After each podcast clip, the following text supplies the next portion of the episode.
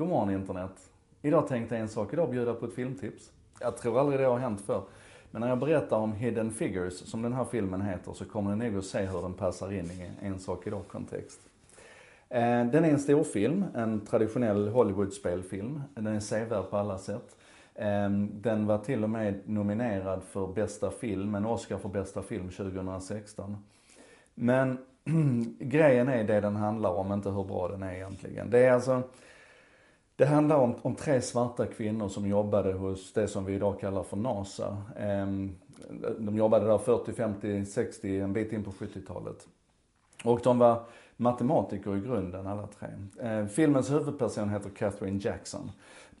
och hon var bland annat med och räknade på eh, omloppsbanor och, och reentrypunkter och landningspunkter och sånt för de allra första satelliterna som USA sköt upp.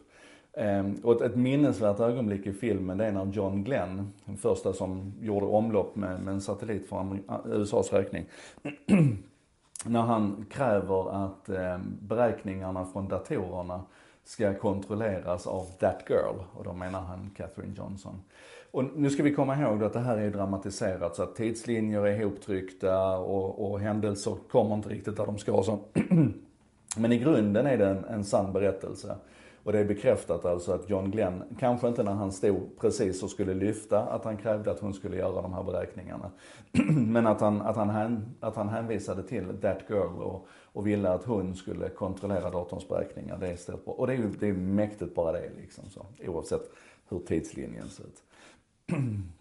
Den andra kvinnan är Mary Jackson som blev den första svarta kvinnliga ingenjören i NASA. Ehm, en av de första kvinnorna, kvinnliga ingenjörerna överhuvudtaget i NASA. Det är också en fantastisk berättelse om drivkraften att vara, vara först och att, ja, en fantastisk berättelse. Men den som jag har fastnat mest för i den här berättelsen, det är en kvinna som heter Dorothy Vaughan.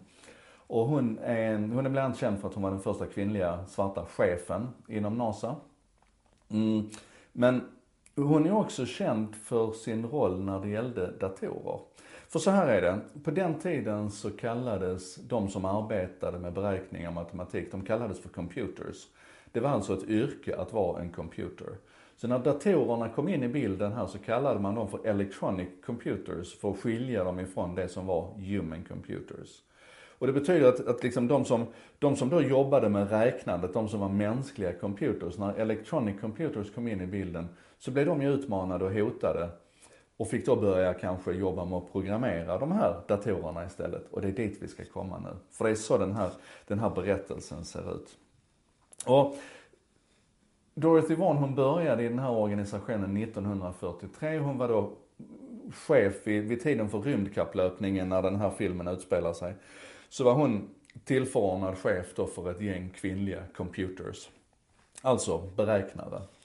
Ehm, och i den vevan så flyttade man då in datorer i den här verksamheten också. Och hon såg liksom i ögonvrån att någonting höll på att hända. När hon var på väg till, till, till sitt kontor med sina mänskliga computers så såg hon att det dök upp en electronic computer lite grann sådär i, i ögonvrån.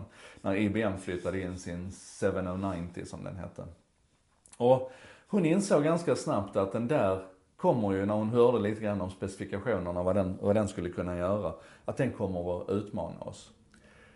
Så vad hon gjorde då, det var att hon, hon drog till biblioteket, till en avdelning där hon egentligen inte fick lov att vara, för att alla, alla eh, programmeringsböcker, de var på den vita avdelningen. Men hon tog sig in där i alla fall och så snodde hon en bok om Fortran, om programmering. Fortran var ett tidigt programmeringsspråk.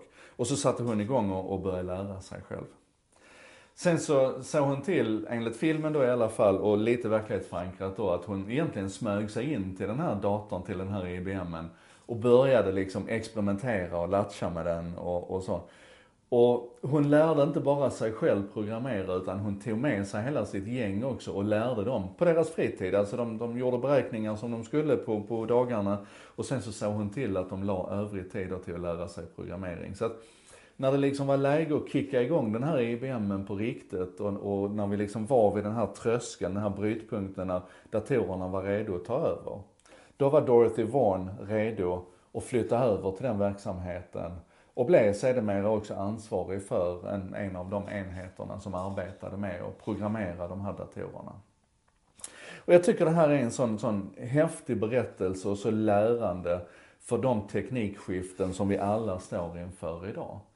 Och jag skulle vilja uppmana oss allihopa att liksom spana i ögonvrån så här. Vad är det för någonting som, vad är det för någonting vi ser hända? Vad är det för teknik på väg in som vi kan ana i ögonvrån som kommer att förändra vårt sätt att arbeta? Hur kan vi runt det lära oss själva och försöka se till att skapa oss ett försprång?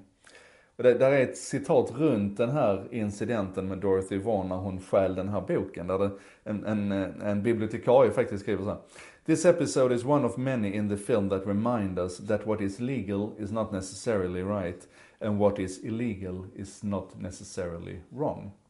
Hon tog ett, ett initiativ där.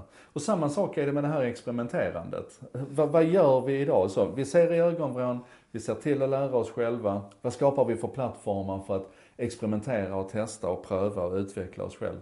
Och hur ser det teamet ut som vi väljer att göra det här tillsammans med? Jag tror att vi behöver lära oss allihopa att vara lite mer som Dorothy Vaughan. Alltså att, att ta det här initiativet och försöka se det oundvikliga i utvecklingen runt omkring oss. Och fan i mig ta tag i det och göra någonting av det. Dorothy Vaughan vann, kan man väl säga. Och, och det tycker jag att vi bör göra allihopa. Är ni med? Så. Spana in det här lite grann också. Se filmen och läs på om Dorothy Vaughan. Otroligt inspirerande. Det här var En sak idag nummer 150. Eh, det producerades av mig, Joakim Jardenberg, med benäget bistånd ifrån Bredband2 Contentor. Bredband2 är internetoperatören som gillar internet och bidrar till att sprida det här goda samtalet runt En sak idag. De eh, lyssnar när andra snackar. Eh, och sen så är det då Contentor som är ett, eh, ett Eh, företag som arbetar med texter på internet. De arbetar med modern marknadsföring och de arbetar med översättningar. Och de ser till att det här avsnittet av En sak idag blir textat på både svenska och engelska. Ligger klart fram emot lunch, då kan ni hjälpa till att sprida det. Hörni, hjälp också till att diskutera i den här tråden. Har du sett filmen, blev du lika inspirerad som jag? Eller har du något annat bra exempel på den här sortens pionjärer som vi kan lära av och måste lära av i vår vardag? Tack för idag hörni och så ses vi imorgon bitti igen.